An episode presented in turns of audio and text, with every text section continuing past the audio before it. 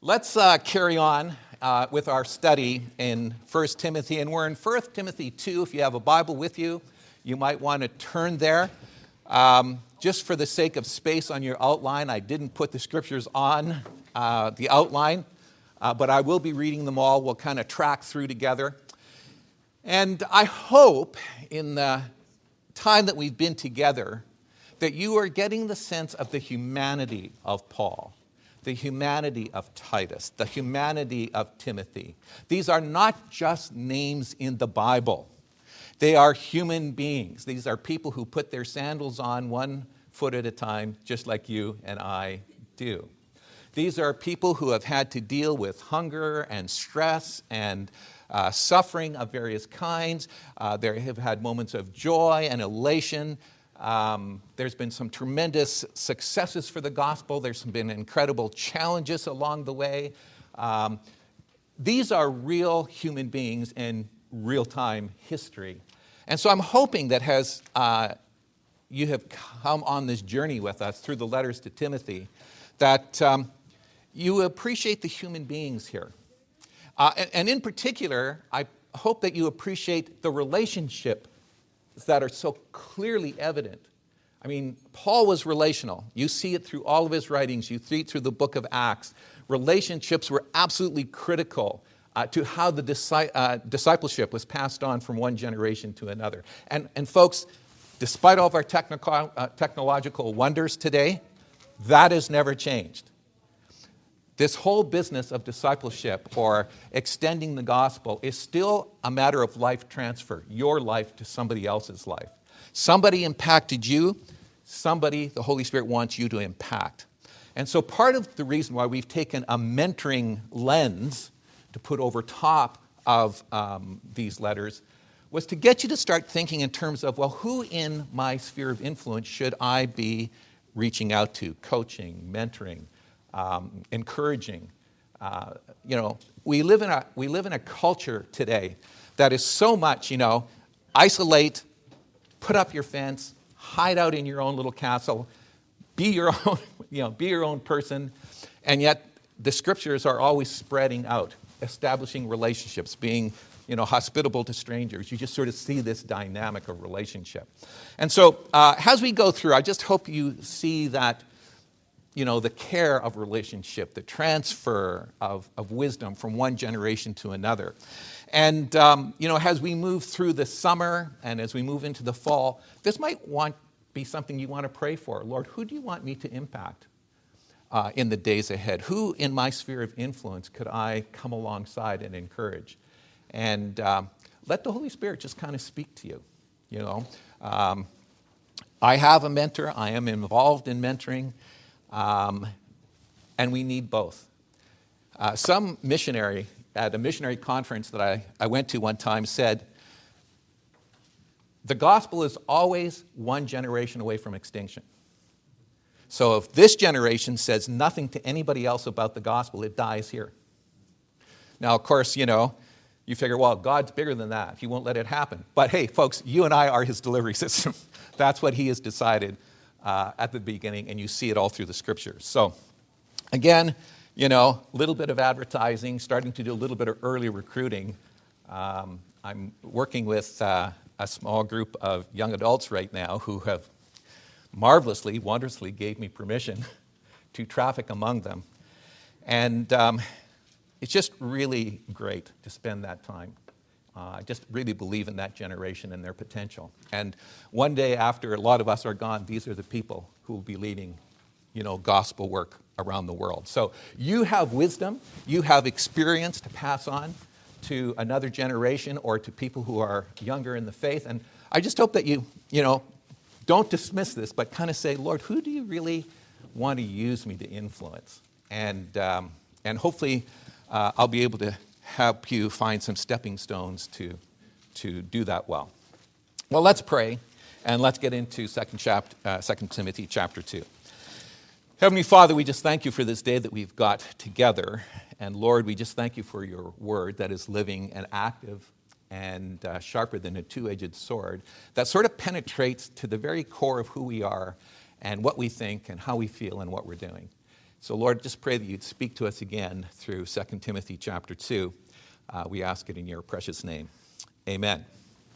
So, in chapter 2 of this letter, by the way, last week Adriana was here. I hope you understand there's a big difference in tenor between 1 Timothy and 2 Timothy. 1 Timothy is kind of urgent, it's a little bit in your face.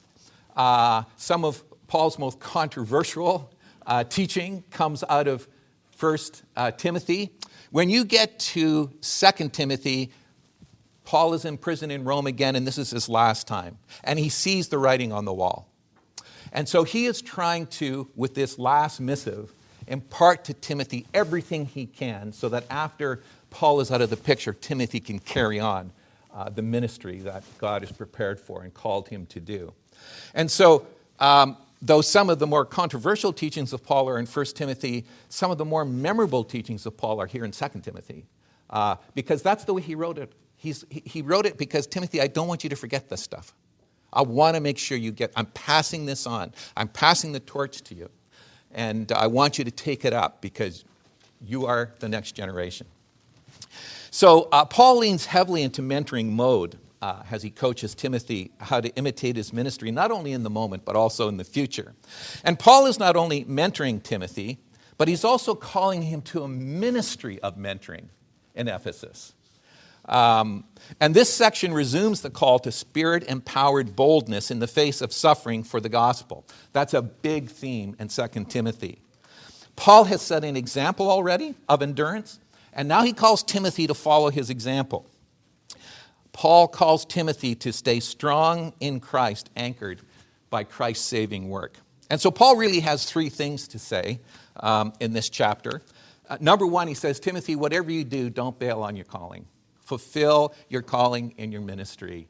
Whatever you do, don't lose track of that. That is your North Star.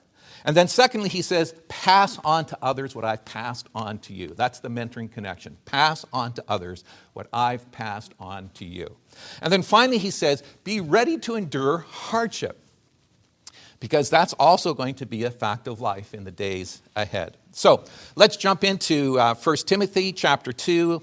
Um, we're going to start in that first section. And I've applied this mentoring lens uh, to help us kind of walk this through.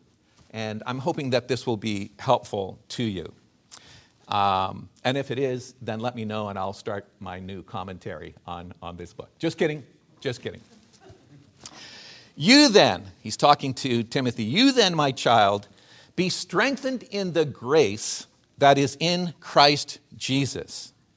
And what you have heard from me in the presence of many witnesses, entrust to faithful men who will be able to teach others also. Um, grace is the sphere in which all of Christian life is lived. Grace is, you know, God's unlimited favor. Every day you wake up in the morning, you draw breath, you open your eyes. It's a gift of God's grace. Every day is a gift from Him. Grace is the context from which we live our lives in Christ.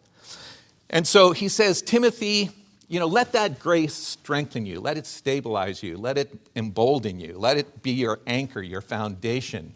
Um, that comes from having this relationship with Jesus. And he says, You have heard me. You've heard me over the years. You've heard me in different cities. You've heard me preach. You've heard me teach. He says, All of that stuff that you've already heard from me, um, you're now the steward of all that. You're the steward of all that teaching.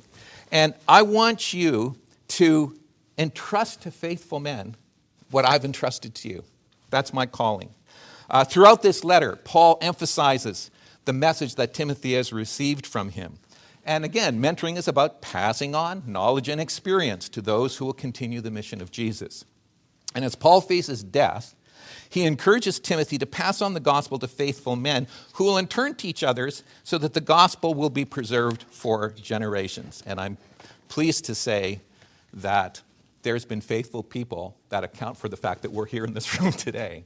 It has been passed on from person to person for centuries. So uh, he digs into using three well understood and familiar analogies. They're not even strange to us today. Uh, Paul wants to prepare Timothy for the challenge and the rigor uh, of service and suffering that the gospel is going to be untailed. And somebody once said, probably my grandmother, to be forewarned is to be forearmed. Okay, obviously you did not have coffee with my grandmother. But anyway, there you go. to be forewarned is to be uh, forearmed. So in, in verse chapter 3, he says this Sharon's suffering has a good soldier of Jesus Christ.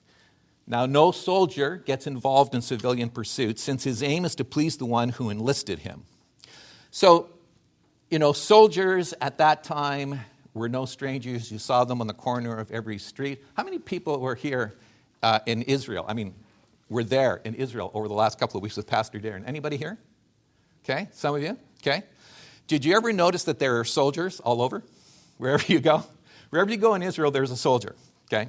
So, um, this was something, everybody would have got this. They all understood how soldiers worked.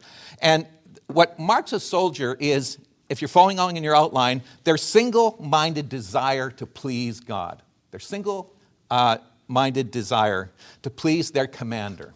Okay, and this time the commander is God. A soldier is clear on three things, right? A soldier knows who the commander is, who the enemy is, and what the mission is. So a good soldier is clear as crystal on those three things. They know who's in charge, they know who the enemy is, they know what the mission is. And these realities give the soldier focus and the willingness to voluntarily put themselves under authority. So a soldier is not easy distractive. They are on target, they are on mission. They know what it is that their job is, they know what they're called to do. And so Paul pulls out that analogy and says, the ministry of the gospel is kind of like that. It's like being a soldier. You know who you're serving, you know who your enemies are, and um, you, you want to please the one who has called you uh, to live this life for him. This verse sometimes has been misinterpreted as a call of way from secular or civilian pursuits. Uh, but the Bible does not allow Christians to separate life into these easy realms, secular and spiritual. All of life is a spiritual life. If you're a follower of Jesus, it doesn't matter what your task is, what your calling is, what your job is, what your career is, you, you know, what your status is. It's all a spiritual life. The Holy Spirit speaks into all of that. Um, and so it's important to kind of keep in mind, you know, we don't just serve God on Sundays and just kind of live for ourselves the rest of the week. Our whole life is a spiritual life. And uh, we live in obedience to the Spirit according to God's word that guides us day by day. So, Paul is not disparaging secular activities as being out of bounds, but he's warning Timothy in his particular situation to don't let anything, perhaps even things that could be considered spiritual to some, distract him from his task. So, all of us have a reason for being on this planet. God knows what it is. We all have a calling, some of us to this, some of us to that. And what Paul is saying here is whatever it is that God has called you to do, stick with that. Stay focused on that. Like a good soldier, uh, carry out that mission. Okay? And uh, so the soldier is the first analogy. The second analogy is the athlete. Now, as you can tell, I'm probably not the best person to speak with authority on athleticism. Uh, some of you in this room maybe are probably in better shape than I am. But again, this would have been a part of life then. And if you've been following the Stanley Cup playoffs, then you've been following athletes. And I hope that your team is still in it. I'm not going to get into that right now. but what marks out an athlete, uh, according to uh, Paul, is this an athlete is not crowned unless they compete according to the rules. That's why there's referees, right? Okay? Just to make sure that everybody plays according to the rules. So that's what goes in the blank. And be an athlete, uh, one must obey God's rules in order to succeed. Okay? Speaking in this context in, in, in 2 Timothy. And the idea here is that you cannot win the race by taking shortcuts or compromising the rules. Uh, there's been a couple of uh, very interesting stories along the way of people, especially like on the Boston Marathon, so on and so forth, who um, you know, have taken shortcuts and tried to show up at the finish line like they had finished it, but you know, they got outed because somebody had pictures of them where they weren't supposed to be. And so Paul is just, you know, this is an obvious truth. We all get this one. You know, if you want to win the game, you got to play according to the rules. That's the way it goes.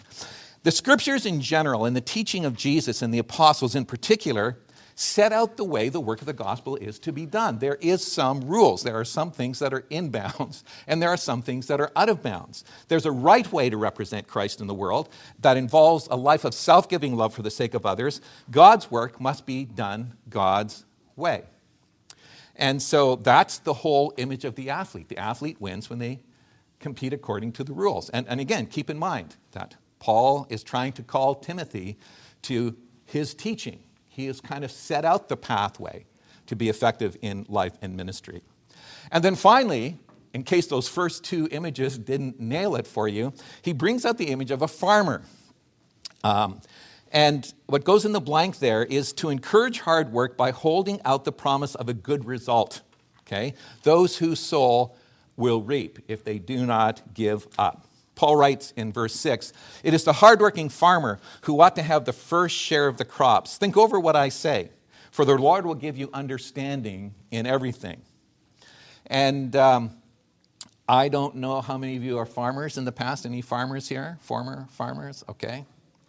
You know, you sow in, you, you sow in the spring, and once you get the work of sowing done, you still got an empty field but you sow in anticipation that in the fall, well, I'm from the prairie, so you'll have to forgive me, that the fields will be gold with, with wheat, okay? So, do they still grow wheat out in the prairies? Oh, yeah? Oh, yeah, okay, good. Just wanted to make sure. I know there's canola, other things, but the bottom line is the farmer sows in anticipation of a harvest. That if they do the right things in the right way, it's going to have a good result.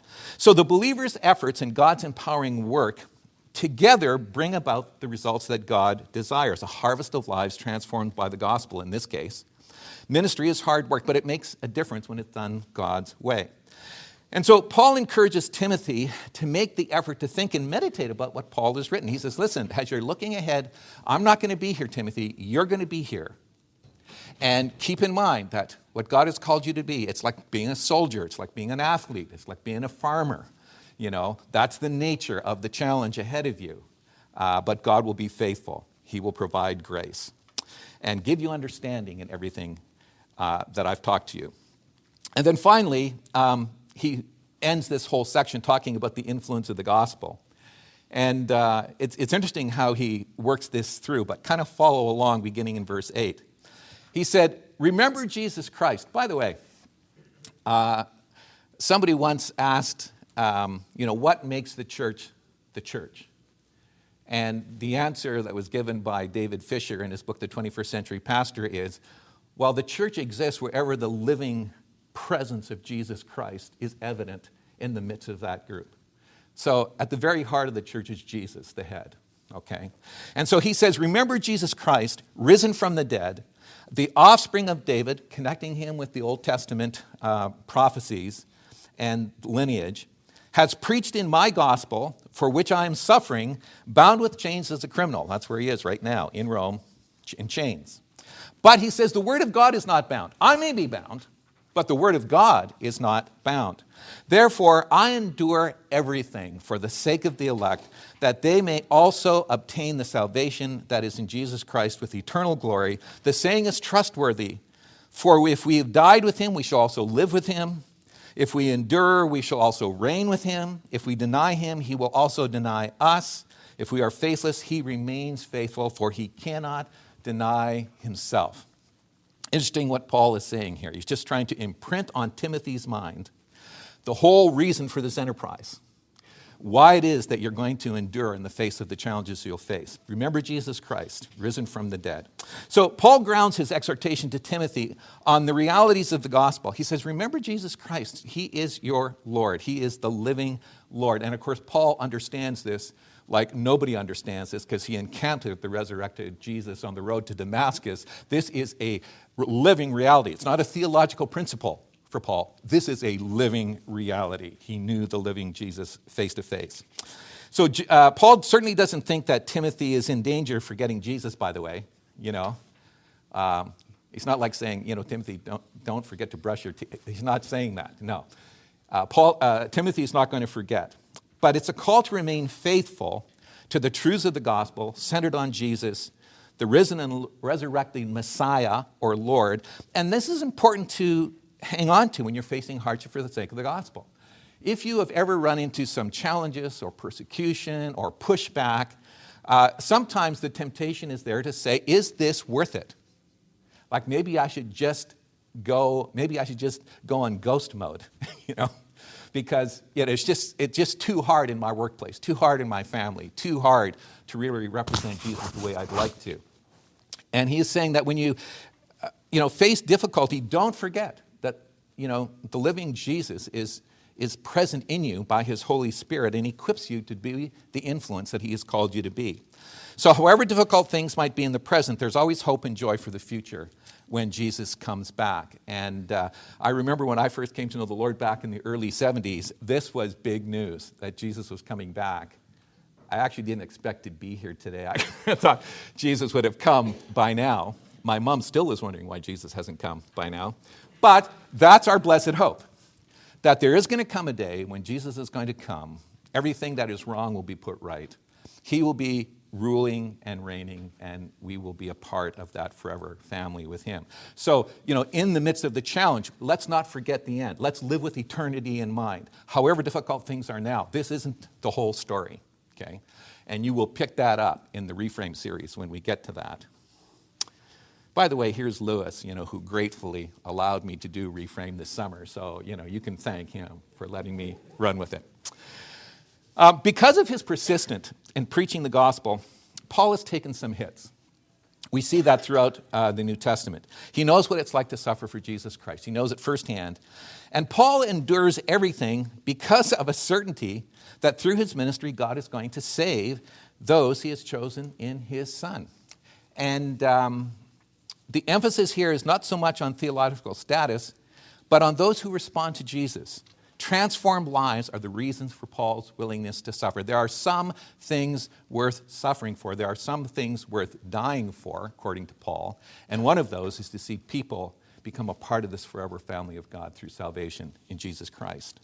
So even if he's bound in prison, not the first time, the last time, but not the first time, he says, This gospel cannot be contained. I may be stuck in here, Timothy, but you're out there. I'm stuck in here, but Titus is out there. I'm in here, Priscilla and Aquila are out there. The gospel continues to be passed on from one person to another, from one generation to another. And it will continue to make a life transforming impact because the gospel is the power of God to salvation for everyone who believes, both the Jew and the Greek. So it's a trustworthy statement expressed in the form of a memorable hymn or poem. He says, Here's a trustworthy saying. He said, again, in poetic form, Timothy, just file this away. It moves from comfort to challenge and back to comfort. It's a reminder of life, even in the face of death, which calls for perseverance based on God's preserving power and faithfulness. So nothing men or women can ever do will negate his faithfulness, which is an expression of his character. Uh, and so, in this context, to deny him must entail a more serious offense than just simply being faithless. Denying Christ implies a total rejection as opposed to a temporary lapse in trusting Jesus. He says, if we are faithless, he's saying, you know, he's not saying if you have a bad day. He's not saying that. He said, if we abandon, if we, if we sell out on this calling, um, you know, that's the kind of thing he has in mind. Those who deny Jesus will be judged forever. But all believers sin, and God is unswervingly faithful to pardon and restore those who are truly his, who repent and confess. So, um, so that's kind of the mindset, uh, as it were, uh, of a mentor when it comes to being a faithful follower of Jesus Christ who wants to influence others through his or her life. So uh, Paul moves on in chapter 2 to talk about some of the practices of a mentor. Uh, in this passage that begins in verse 14, Paul uses the issue of false teachers to coach Timothy in the best practices for influencing others with the gospel. And so he begins by raising this issue of false teaching. It, it seems like false teaching just kind of is everywhere uh, in the New Testament context, and it's true. Um, uh, he explains to Timothy how he should respond to it, while at the same time living an entirely different kind of life than the false teachers. He's calling him to live a gospel shaped life. And having exhorted Timothy to steadfast endurance, he now begins to address the problem directly. And Paul contrasts in this next section uh, uh, Timothy's faithful ministry with the worthless ministry of the opponents. And so uh, he digs into it, and uh, here's what the practices are in order. Number one, A, defend the truth. Okay, in verse 14. Paul says to Timothy, remind them of these things and charge them before God not to quarrel about words, which does no good, but only ruins the hearers. Have you ever got into one of those arguments where all of a sudden you realize that there's nothing really important at stake and all you're doing is creating animosity over nothing at all? He's saying, don't get into those type of discussions. Remind them, that's what Paul says. He says to Timothy, remind those who get involved in kind of fruitless quarrels, not to quarrel about words, uh, not to wrangle about words. Uh, that's the point. Paul is clearly willing to argue when the gospel is at stake, but, you know, what is prohibited here is argument for the sake of argument. And that was what was happening among the false teachers. You know, this whole business of argument was considered fun. This is, this is, you know, and as a result, people were getting hurt along the way. He says it does no good. There's just nothing fruitful that comes from that type of conflict. Uh, it's not accomplishing anything for the gospel. It is just raising a lot of dust, but there's nothing of substance uh, in the middle of it. And then the second thing he says in verse 15 is to study and embody the truth. Don't just defend the truth, embody the truth. He says, Do your best to present yourself to God as one approved, a worker who need not be ashamed, rightly handling the word of truth. Now, haven't we all memorized this verse already? Somewhere along the way, one of the more memorable statements of Paul. Do your best to present yourself to God as one approved, a worker who does uh, not need to be ashamed. Do your best or be zealous is another way to express it. Um, you know, both mentors and mentees must have this bent that, you know, we want to please Jesus. We want to have it said of us one day, well done, thou good and faithful servant. Any, anybody not want to hear that one day? I mean, that's our desire somewhere along the line as we move through this life with all of its challenges and our failures and victories. At the end of the day, we just want to, as much as we can, be faithful to please the one who, who called us. And one way to do this is to make sure that you handle Scripture correctly. And keep in mind that when we talk about Scripture here in Timothy, um, he is referring to the whole body of the Old Testament. Okay, these are the scriptures from which Jesus preached. These are the scriptures from which uh, Paul preached. Uh, later on, Paul's writings and the Gospels will be added to uh, the scripture canon. But just in the same way that Jesus explained to Cleopas everything they needed to know for salvation and who he was as the Messiah, Timothy was drawing on that same corpus of biblical truth in order to preach. And so what he was preaching had a connection with God, has been doing ever since Genesis. So he says, listen, study and embody the truth. Um, don't just argue about it. Don't stand aside from the Word of God and you know, argue about does it mean this or do that. Dig into it, get a hold of it, make sure you understand it, embody this thing, take it in, let it get into your DNA. I really uh, like what Eugene Peterson says in his, uh, his book called Eat This Book, by the way. And uh, what he says is, he said, you know, it's like your dog gnawing on a bone. Anybody have a, a pet dog? Anyone? Anyone? Okay. Are you kidding me? I don't even have a pet dog now. Um, but I, I, remember whenever we gave Kaylee a bone, I mean, it would be this big bone, but after about a week, it cannot be found. It's nowhere in the house. This thing, this thing is gone. And so what Eugene Peterson is, says is, you know, gnawing on God's word, chewing on God's word is kind of like your dog chewing on the bone. Eventually it gets into you, it gets into part of your DNA. It alters, you know, who you are from the inside out because the word is living and active. And so he says, listen, uh, don't put the scriptures aside as an optional extra to your spiritual life. Let them be central, let them be defining, let them be guiding, let them be life changing in your life. Uh, when you do a job right, you don't fear your work being examined, right? You don't have anything to be ashamed of. And so the two things that, you know, a lot of people are concerned about is what I'm going to say to Jesus one day about why I wasn't reading the Bible. Anyone? Just me? No? Yeah? No? Okay. Uh, and the other thing is, have I, every time I get up to teaching in a class like this, have I been faithful to the scriptures? Um, and I'll be honest with you, when I look back, there are some days when I'm thinking, you know, I'm a little better instructed. I had Priscilla and Aquila come alongside and explain the way of God to me more accurately so that I can do a better job of being faithful. Uh, the third thing he says is avoid, being, uh, avoid trafficking in untruth. Okay, now I know untruth, it's not really a word, but it kind of fits what I'm doing here, so go with me if you will. Avoid trafficking in untruth. He says in verse 16, avoid irreverent babble, for it will lead people into more and more ungodliness, and their talk will spread like gangrene. Among them are Hymenaeus and Philetus, who have swerved from the truth, saying that the resurrection has already happened. They are upsetting the faith of many.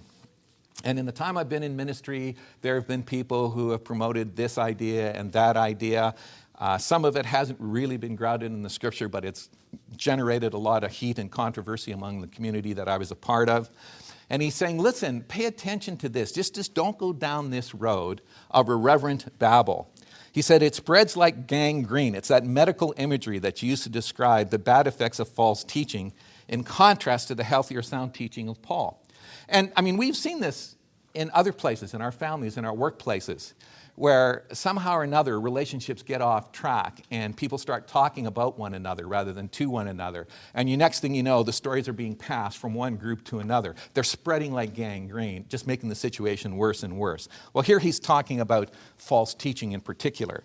Now, Hymenaeus was mentioned as a false teacher in 1 Timothy, so we've already met him. Uh, Philetus isn't really mentioned elsewhere, but, you know, kind of lumped in with this category of false teachers. And apparently, some people were teaching that believers had already entered the post resurrection state. Now, this one's a tough one for me to understand. you know, uh, I live life in this world same way you do. And I've never ever been fooled into thinking the resurrection you know, of believers has already happened. I, am looking forward to that. I'm hoping for that. I'm hoping this is not it. I'm hoping there's still a resurrection coming. But somehow or another, this was being promoted in the church. Philetus and Hymenaeus were saying, listen, you're already there. You've already arrived. This is already the glorified state, you know. And Paul's saying this is just messing people up. It's just messing with their minds. Like, just don't go there, okay? And then, the hold on to this truth. Verse 19. He says, God's firm foundation stands bearing this seal. The Lord knows who are his, and let everyone who names the name of the Lord depart from iniquity. Um, in spite of the work of evildoers, in spite of the work of false teachers, God's word does not change. His foundation is not shaken. And um, it still stands. So, false teachers with the devil behind them will not have the last word. God is going to have the last word. And bearing this seal, it's a twofold inscription that emphasizes God's divine sovereignty on the one hand and human responsibility to persevere on the other hand. God sustains and we persevere. Uh, and while some believers may have apostatized in, in the Ephesian case, Paul finds assurance in the fact that God knows who he, who's are his. He knows. He knows our address, He knows where we live. And uh, He knows that those who claim to be the Lord's will make themselves known by their active resistance to sin and wickedness and their love for other people. And then finally, in verse 20 and 21, he says, Live the truth. Don't just hold on to it, live it. He says, Now in a great house there are not only vessels of gold and silver, but also of wood and clay, some for honorable use and some for dishonorable. Therefore, if anyone cleanses himself from what is dishonorable, he will be a vessel for an honorable use, set apart as holy, useful to the master of the house, ready for every good work. Okay, how many people have the everyday silverware and the party silverware, the guest silverware? Anyone? Anyone at all? Okay. Um, you know, I'm thinking, why aren't we using the special silverware? Am I not special? Like, how come, you know, we bring total strangers into the house, they get the good silverware, and I get stuck with the everyday stuff? Now, I did manage to kind of get a higher class of everyday stuff, so that's kind of kind of good. But but still, the good stuff is set aside in a chest for when you come over. Okay. And that's kind of the thing he's getting at here. He says, listen, every household has this. You have the stuff that is everyday stuff, you have the stuff that is special. Um, he says, if anybody cleanses themselves from what is dishonorable, and he's talking about false teaching and, and sin, he says they will be a vessel for honorable use that God will use uh, and he will bring out. They're useful for every good work. And so he says, Depart from iniquity so that you will be an honorable tool that God can use. So finally, we get into the very last part of 2 Timothy chapter 2, uh, the attitude of a mentor. And uh, the first thing he says is be devoted to Jesus and his way of life. This is what it says in verse 22. He says, Flee youthful passions and pursue righteousness, faith, love, and peace, along with those who call upon the Lord from a pure heart. Every good yes implies a few good no's. Um, and he's saying to Timothy, listen, you know, as a young man, there are all kinds of things that are on the, your agenda, things that appeal to you. Um, learn to say no to those things that get you bumped off track and say yes to things like righteousness, faith, love, and peace, along with those who call from the Lord on a pure heart. Um, you know, with other believers, keep your focus on the right things. Make sure you say your yes to the right things. And then, secondly, in verse 23, he says, Be devoted to making peace. Verse 23 says, Have nothing to do with foolish and ignorant controversies, because you know that they breed quarrels. False teaching produces quarrels rather than godliness. That's the reality.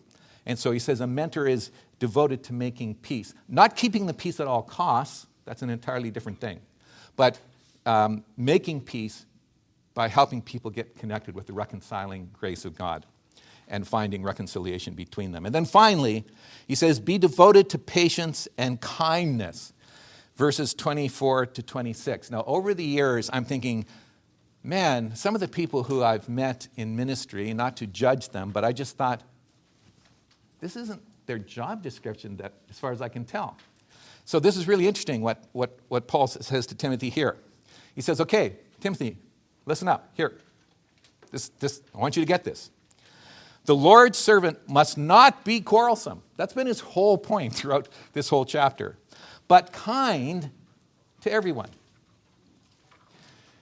There's a part of us that sometimes sort of says, Uh, okay, like who is my neighbor? like who, which everyone's am I supposed to be kind to? Like, we want to qualify that. He says, no. He says, the Lord's servant must not be quarrelsome, but kind to everyone, able to teach, patiently enduring evil, correcting his opponents with gentleness. Think about this correcting his opponents with gentleness. God perhaps may grant them repentance leading to a knowledge of the truth, and they may come to their senses and escape the snare of the devil after being captured by him to do his will. So he's saying, be devoted to patience and kindness. This is the work of a servant of God. Do people need to hear the truth of God? Absolutely, they do. And sometimes it's not so much what you have to say, but how you say it that's going to make all the difference in the world. Uh, Os Guinness says in his book um, on uh, apologetics, he says, We always have to keep in, in mind that the whole point of apologetics, like defending the faith, he says, the whole point of apologetics is not to win an argument, it's to win a soul. So, how does the truth make an impact on the life of someone else? Well, it's when you have this attitude that not quarrelsome, kind to everyone, able to teach, patiently enduring evil, correcting his opponents with gentleness. And if we take that task, he comes back to what God is going to do. He's saying, God then may perhaps grant them a repentance leading to the knowledge of the truth. Like if we treat people with love and kindness and respect, um, God has a way of using that to make a difference in the life of someone that they may come to their senses and escape the snare of the devil after being captured by him to do his work. Uh, does anybody here remember when you came to your senses? Anyone? Yeah? Yeah. I sort of half came to my senses at, at 17, but I really didn't come to my senses until I was about 23. But anyway, that's another whole story. I'm sure you have your own. Paul wants Timothy to model a kind of teaching that will not simply refute error and save his hearers, but that also will be used by God to rescue those who have succumbed to false teaching. And so he is saying to Timothy in this chapter, Timothy, you've seen me do this. You've seen me teach. You've seen me in all kinds of situations. There is your school for how to carry on after I'm gone. Uh, I have mentored you. Your job, mentor other people. What you've learned from me, pass on to faithful people who will continue. Um, you know, in terms of getting the gospel out there where it can make a difference in the lives of people, you've seen what I've done. You just go out there and do exactly the same thing. And, um, and so, Timothy, keep this in mind. Don't forget, this is your calling. Um, not to be quarrelsome, but to be used by God in a way that makes a difference. Because an athlete only wins if they compete according to the rules. Okay? Let's pray. Our God and Father, we thank you for this time that we've had together. And uh, Lord, we just thank you for the humanity we see in Paul and Timothy as they obviously respect one another and work together for your sake. Uh, Lord, uh, there comes a time for all of us where we need to decrease so that other people may increase. And so teach all of us, whatever stage of life we're at, to learn what it means to bless and impart wisdom, uh, to share our lives with other people, to do what we can to mentor the next generation uh, of people who will represent you well in the world. We ask it in Jesus' name. Amen. Amen. God bless you each one. We'll see you next week. 1 Timothy, I mean 2 Timothy chapter 3, don't miss it.